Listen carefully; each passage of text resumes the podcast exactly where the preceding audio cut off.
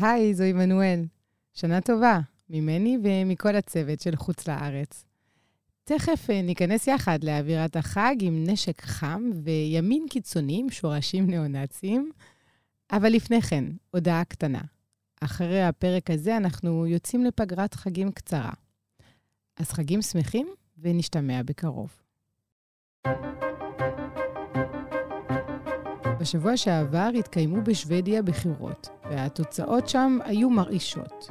מפלגת הימין הקיצוני, השוודים הדמוקרטים, זכתה ל-20% תמיכה, והפכה למפלגה השנייה בגודלה בפרלמנט.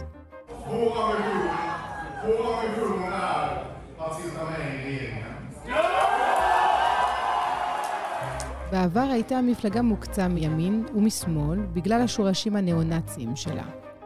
אבל מתיחת פנים וההבנה של הימין המתון ששיתוף פעולה עם הקיצונים הוא הדרך היחידה לחזור לשלטון, שינו לחלוטין את התמונה.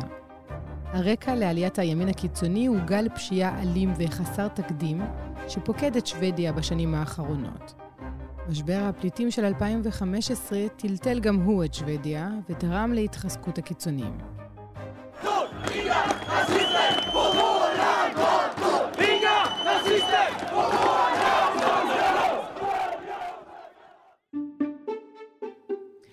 היי, אני עמנואל אלבאס פלפס, ואתם מאזינים ומאזינות לחוץ לארץ. בפרק הזה ננסה להבין מה תעשה התחזקות הימין הקיצוני למדינה שידוע בסבלנות ובפייסנות שלה, למה הבקשה להתקבל לנאט"ו היא צעד כל כך דרמטי בשביל סטוקהולם, ואיך השינויים בהרגלי הסמים של השוודים קשורים להצלחת מפלגת השוודים הדמוקרטים. שלום לדיוויד סטברו, אה, כתב הארץ בשוודיה. שלום, עמנואל. אז אנחנו עדיין לא יודעים לומר בדיוק אה, איך תהיה מורכבת הקואליציה החדשה. אנחנו כמובן כן יודעים שהימין הקיצוני, הדמוקרטים השוודים, הם אה, המפלגה השנייה בגודלה בשוודיה, המפלגה שמאפשרת אה, לימין אה, לקחת את המושכות של השלטון. איך הגענו למצב הזה? זאת שאלה טובה, והרבה אנשים בשוודיה שואלים את עצמם את השאלה הזאת. אמ, זה מורכב, מפלגת השוודים הדמוקרטים קיימת בעצם מסוף שנות ה-80 אה, ובשנים הראשונות לקיומה היא לא הייתה בכלל אפילו קרובה לאחוז החסימה, זה 4% מהקולות השוודים. אמ, היא כן נכנסה בסופו של דבר לפרלמנט ומאז היא רק עולה בשלושת מערכות הבחירות האחרונות או בשלושת הקדנציות האחרונות. ההסבר המקובל הוא אה, זה פשוט הסוגיות שהם מתעסקים בהן ושמפלגות אחרות אה, או שלא התעסקו בהן או שנתפסו כלא טובות בהן. אה, בעיקר ועל זה כולם מדברים סוגיית ההגירה זה היה פחות או יותר באותו זמן שההגירה לשוודיה עלתה מאוד במיוחד ב-2015 עם מה שמכונה משבר הפליטים. אבל יש עוד סוגיות שקשורות לפשיעה שעולה בשוודיה לחוק וסדר לטיפול לקוי של המשטרה בכל מיני דברים שקשורים לאלימות לאלימות, לפשע מאורגן, ודברים כאלה, שאלו נתפסים הנושאים שהשוודים הדמוקרטים יכולים לטפל בהם יותר טוב, לפחות בקרב חלק מהאוכלוסייה. אה, ולכן הם הצליחו אפילו לעקוף את המפלגה השמרנית הימנית שהייתה באופן מסורתי המפלגה השנייה בגודלה. אה, ככה הם הגיעו למצב הזה, אבל צריך להגיד שעד לפני שנה או שנתיים כל המפלגות בכל הספקטרום של הפוליטיקה השוודית סירבו לחלוטין לשתף פעולה איתם. זאת אומרת לא רק לא להכניס אותם לקואליציה אלא אפילו ממש מילולית לא דיברו איתם וזה מאוד מאוד השתנה אה, בשנה שנתיים האחרונות וכרגע הם מועמדים לתמוך לפחות לתמוך מבחוץ בקואליציה ימנית. בשנות ה-80 כשהמפלגה קמה היא הייתה מפלגה של ניאו-נאצים ופשיסטים. האם השינוי בגישה של השמרנים זה בגלל שהדמוקרטים השוודים כבר לא ניאו-נאצים, או בגלל שהשמרנים הבינו שהמטרה מקדשת את האמצעים וצריך לשתף איתם פעולה. אה, שני הדברים נכונים, זאת אומרת מה שקרה פה באופן מופק הוא שקודם כל המפלגה השמרנית ועוד מפלגה קטנה יותר, הנוצרים דמוקרטים, הבינו שהם לעולם, לעולם לא יצליחו לתפוס את השלטון אם הם לא ישתפו פעולה עם השוודים הדמוקרטים, פשוט בגלל שהכוח שלהם קטן והכוח של השוודים הדמוקרטים אה, גדל, אבל יש פה גם עניין אחר, עניין השינוי. זאת שאלה שהיא קצת יותר... חמקנית כזאת, כי אין ספק, בסוף שנות ה-80 האנשים שהקימו את השוודים הדמוקרטיים היו אנשים מהמעגלים, מהתנועות הניאו-נאציות השוודיות והיו הרבה כאלה. אחד מהוותיקים שבהם למשל היה ממש מתנדב בוואפן אס אס במלחמת העולם השנייה, אחרים היו מה שנקרא סקין-הדס, אנשים שהיו נאצים, פשיסטים, ומה שקרה ב-20-30 שנה האחרונות זה שהמפלגה עברה מין תהליך לפחות שמבחוץ נראה כהתמתנות. זאת אומרת האנשים שעומדים בראש המפלגה כיום מצהירים על עצמם שהם בוודאי אינם נאצים, שהם אינם גזענים, שאין להם נטיות פשיסטיות, ואכן שמסתכלים על הצד הפורמלי של מפלגה כזאת, אז אפשר לראות מפלגה, מה שנקרא באירופה ימנית פופוליסטית או ימנית קיצונית, אה, אבל לא ניאו-נאצית. מצד שני, מתחת לפני השטח מבעבעים שם כל הזמן דברים. חלק מהדברים זה כל מיני מקרים שקורים כל הזמן, אה, דברים בסגנון אה, חבר פרלמנט מהספסלים האחרונים נתפס שהוא אה, מופיע באיזה, לא יודע, פוסט בפייסבוק עם מדים נאצים או מצביע במועל יד או כאלה דברים, ודברים כאלה קורים כל הזמן, תקריות של אלימות, של אנטישמיות, של איסטמופוביה וכולי, וגם המפלגה הזאת הקימה מערך די מכובד של אמצעי תקשורת, נניח נקרא להם אלטרנטיביים. עיתון, ערוץ תקשורת אלקטרונית, אה, ושם אה, הרבה מהאנשים שהם ככה לא המנהיגים של המפלגה אבל תומכים בה, מביעים דעות שהן מאוד מאוד שנויות במחלוקת, תיאוריות קונספירציה למיניהם ודברים שהם כבר הרבה יותר קרובים לעבר של המפלגה מאשר להווה הנקי שהם מנסים להציג. כלומר, אם בודקים בעצם את ה... תומכים במפלגה, אז אנחנו רואים שהאידיאולוגיה המאוד קרובה לניאו-נאציזם ולפשיזם אה, עדיין אה, חיה. כן, אני חושב אגב שמדובר על התומכים, מדובר בשוליים. רוב האנשים שמצביעים לשוודים הדמוקרטיים, הרוב המכריע, הם בוודאי לא מהמעגלים האלה, והם גם לא גזענים, הם אנשים שפשוט מפחדים מהכיוון ששוודיה אה, הולכת אליו. צריך לזכור, השוודים הדמוקרטיים הם המפלגה היחידה בפרלמנט השוודי שלא השתתפה אף פעם בשלטון. כלומר אי אפשר להאשים אותם בכלום, הם לא עשו שום דבר עדיין. ולכן יש גם את הסנטימנט הזה שראינו בברקסיט או ראינו בהצבעה בעד טראמפ, הנשיא טראמפ בארצות הברית, אה, של אה, מין גורם אנטי ממסדי כזה שעוד לא נתפס בפשלות גדולות מדי כחלק מהשלטון ולכן אה, מין הצבעה אנטי ממסדית כזאת. When I was growing up, uh, there was a lot of shootings, there was a lot of rape, and there, I never felt safe going out, especially as a woman and especially as a Middle Eastern woman. Why have you joined the Sweden Democrats? Because I was sick and tired of not being able to go outside, being afraid of people from my own home countries. I was actually fearing for my own life. האם גם הסיבה לעלייה של המפלגה הקיצונית הזאת היא שכל הנושאים שציינת מקודם שהם מטפלים בהם, או אה, מתיימרים אה, לדעת איך לטפל בהם, כמו הגירה או אה, אלימות, אה, פשיעה, אה, אלה נושאים שגוש השמאל נקרא לו, הסוציאל-דמוקרט אה, שהיה בשלטון אה, שמונה שנים עד עכשיו, אה, לא התייחס אליהם, או התייחס אליהם לא נכון? אני חושב שבמידה מסוימת הסוציאל דמוקרטים הצליחו בשמונה שנים האחרונות בתחומים מסוימים ונכשלו בהרבה תחומים אחרים. התחום של הפשע מאורגן, תקריות הירי בסטוקהולם אה, ובמלמה ובגטבורג אבל גם בערים אחרות ברחבי שוודיה, אה, שוודיה מראה סטטיסטיקה נוראית מבחינת אה, עלייה במקרי הרצח והירי, חורגת בהרבה ממה שמקובל באירופה, זאת אומרת זה עדיין לא ברמות של ארצות הברית או ברזיל או עולם המתפתח, אבל יחסית לאירופה אנחנו מדברים פה על יותר משלוש מאות תקריות ירי בשנה ועל למעלה מארבעים הרוגים בשנה בחמש שנים האחרונות ואלה מספרים מטורפים בהקשר אירופי ובזה אין מה לעשות. הממשלה נכשלה או אני הייתי אומר המשטרה נכשלה זה בעיקר כישלון של המשטרה. אבל ופה צריך לשים אבל גדול, זה לא שהשוודים הדמוקרטיים באמת מציעים משהו שהוא אה, אחר, הם פשוט דיברו על זה והם פשוט חטפו את הנושאים שהיו אה, אה, חשובים בקמפיין הבחירות. על מה דיברו בבחירות בשוודיה? בניגוד לקמפיינים קודמים שדיברו על נניח על מיסים או על אבטלה או על שוק העבודה או על מערכת הרווחה וכולי, בבחירות האלה דיברו על דברים אחרים לגמרי, על פשע, אה, על תקריות ירי ועל מחירי החשמל. כל הדברים האלה שיחקו לטובתם של המפלגות בימין והרבה פחות לטובתם של המפלגות בשמאל. זה פשוט כעניין של השאלות שעלו לדיון. אז בעצם המלחמה אה, באוקראינה לא תפסה אה, מקום אה, מרכזי בקמפיין הזה?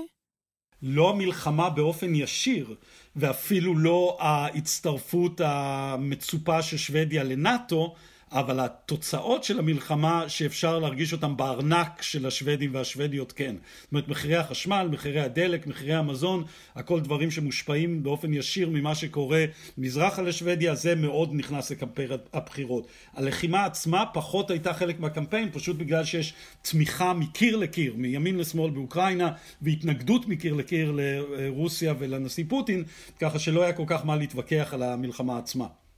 I, I welcome President Nister of Finland and the Prime Minister Anderson of Sweden to the White House to demonstrate the strong support the United States uh, had for Finland and Sweden's decision to apply for membership in NATO.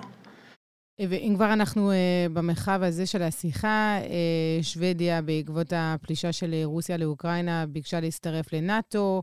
אה, טורקיה הציבה אה, לדבר הזה כל מיני תנאים אה, מקדימים. האם שינוי הממשלה עכשיו בשוודיה אמור להשפיע על ההחלטה הזאת, או שזה כיוון שהוא מוסכם על כולם? לא, קודם כל ההחלטה הזאת כבר מאחורינו, שוודיה היא מועמדת כבר להצטרף לנאטו, וזה נכון שיש איזה מעקש כזה שהציב הנשיא ארדואן מטורקיה, אבל אני מניח שזה ייפתר, וצריך להגיד, עד הפלישה אה, לאוקראינה ב-24 בפברואר השנה הייתה תמיכה מאוד נמוכה בשוודיה להצטרפות שוודית לנאטו. אמ, הייתה תמיכה מסוימת מ-2014 מהפלישה לקרים אבל זה נמדד ב-20% תמיכה 30% תמיכה משהו כזה ביום אחד בפברואר השנה זה עלה ל-70-80% אה, תלוי באיזה יום בדקו הסוציאל דמוקרטים לא רצו את זה בתור נושא לבחירות בגלל שהמפלגה הזאת באופן מסורתי התנגדה לנאטו אבל עכשיו הבינה שאין ברירה אלא לעשות את הצעד הזה ולעשות איזה U-turn במדיניות. עשו את זה מאוד מאוד מהר ועשו את זה גם מאוד בהשפעה של הפינים, הפינים שהם העניין של המהלך הזה יותר מהשוודים בגלל הגבול המאוד ארוך שלהם עם רוסיה ובגלל איבוד האמון המוחלט ביחסים עם רוסיה אחרי הפלישה לאוקראינה אה, הנשיא הפיני סאולי ניניסטו הוביל מהלך מאוד מאוד אה, חזק ולשוודים בעצם לא הייתה ברירה אלא ללכת בעקבותיו גם מסיבות אסטרטגיות אה, צבאיות וגם מבחינות פוליטיות ולכן המהלך הזה כבר מאחורינו. ואיך נראה הצבא של שוודיה? האם באמת המדינה מוכנה ורוצה לקחת חלק אמיתי בנאטו? שוודיה תצטרך להשקיע הרבה יותר במערכת הביטחונית שלה, בתקציב הביטחון שלה, כדי לעמוד בקריטריונים של נאט"ו וגם כדי לעמוד בקריטריונים שברור שצריך היום בשכונה שנהייתה יותר ויותר אה, מסוכנת ופחות ופחות יציבה. אבל צריך להגיד, הצבא השוודי זו תופעה מעניינת בפני עצמה, כי בזמן המלחמה הקרה לשוודיה היה צבא די גדול ודי משמעותי, אומר, מטוסי קרב, צוללות, כל, כל הדבר הזה, אבל עם סוף המלחמה הקרה פשוט אה, התחילו לפרק את הצבא.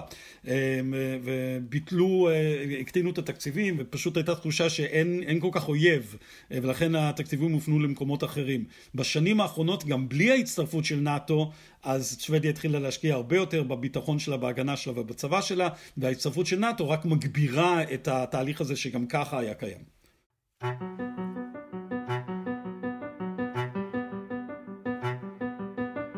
בשוודיה חיים מעט יותר מעשרה מיליון תושבים, והיא בין המדינות עם תוחלת החיים הגבוהה בעולם. שיעור הילודה בה מעט גבוה משיעור הילודה באירופה כולה, וחמישית מתושבי המדינה נולדו במדינות אחרות.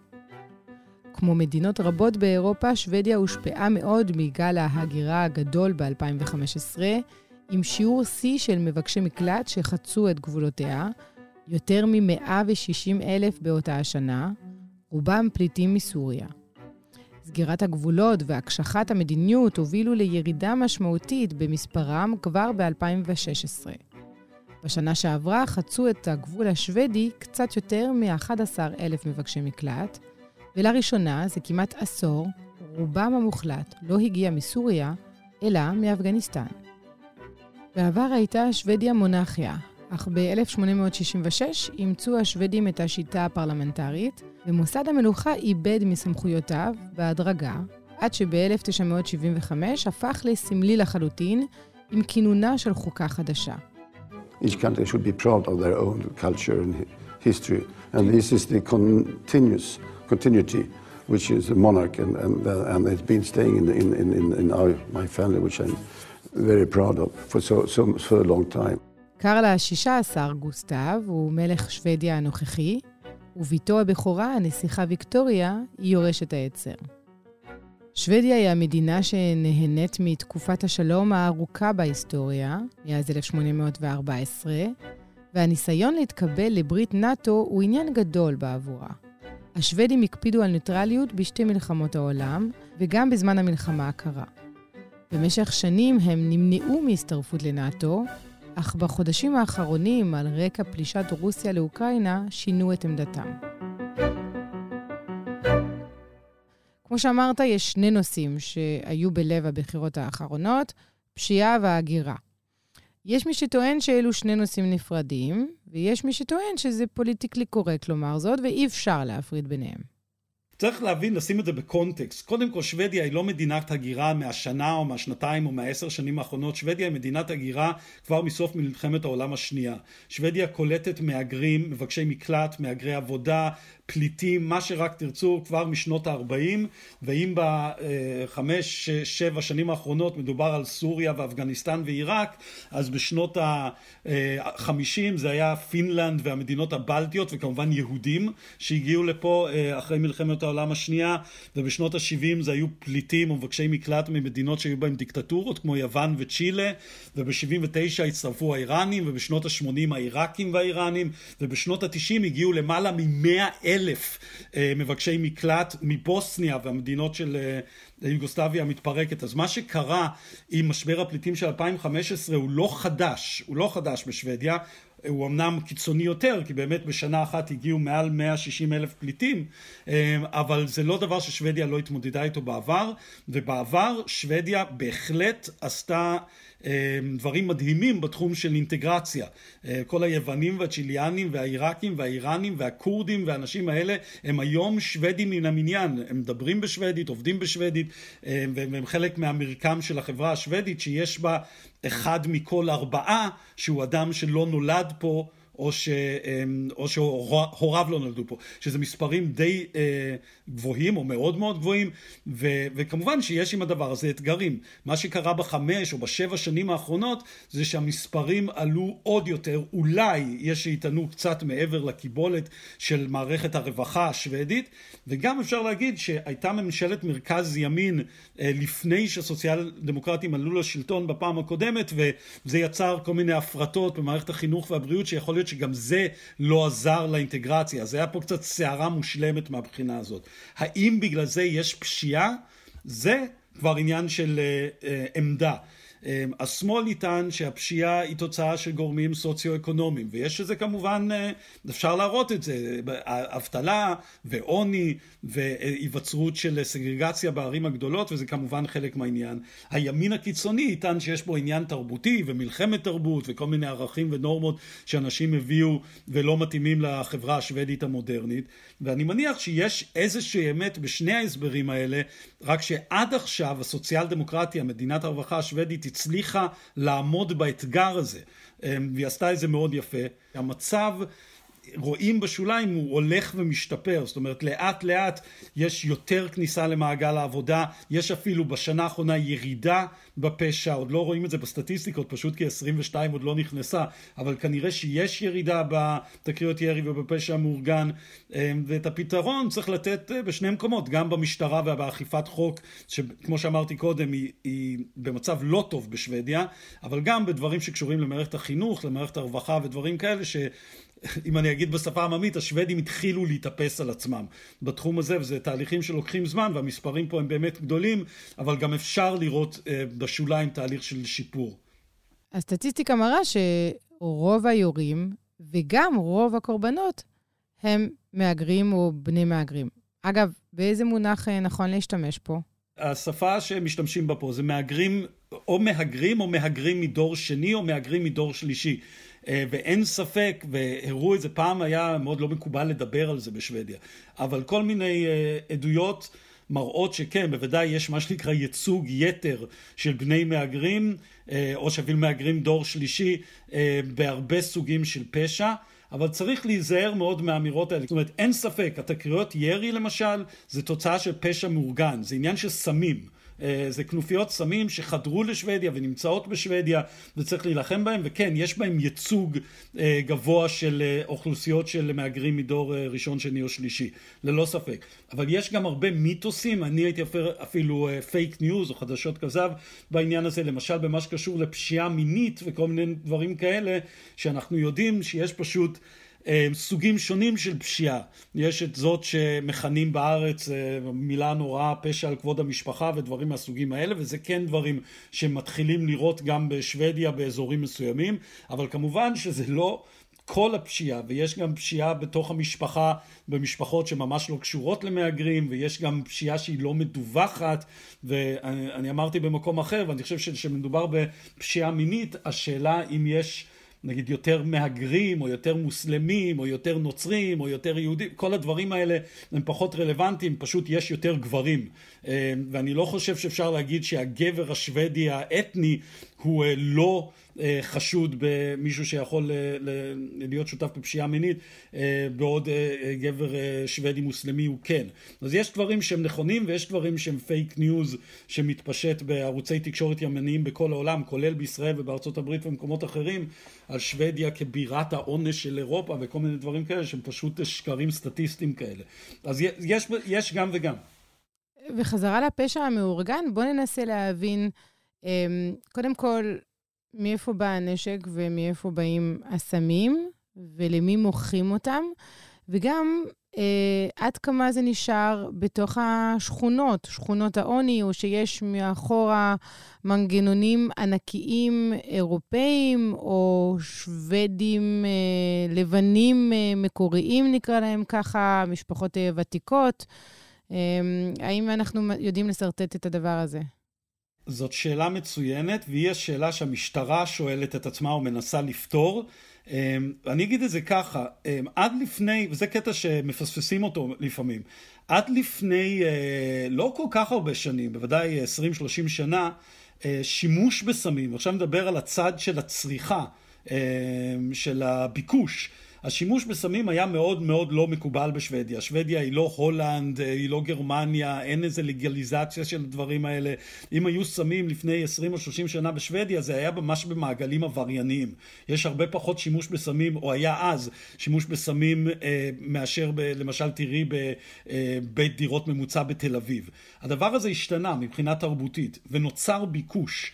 אה, ובשנים האחרונות יש הרבה יותר שימוש בסמים בשוודיה, ובוודאי ובוודאי שהשימוש בסמים הזה הוא לא רק בשכונות של המהגרים, ממש ממש לא. תוכלי לראות שימוש בסמים במועדוני לילה של הסלבים אה, הכי הכי אה, שוודים אתניים שאת מוצאת במרכז סטוקהולם, וזה דברים שלא היו פה פעם. עכשיו, ברגע שיש ביקוש, כמובן שיש מי שמספק ויש היצע.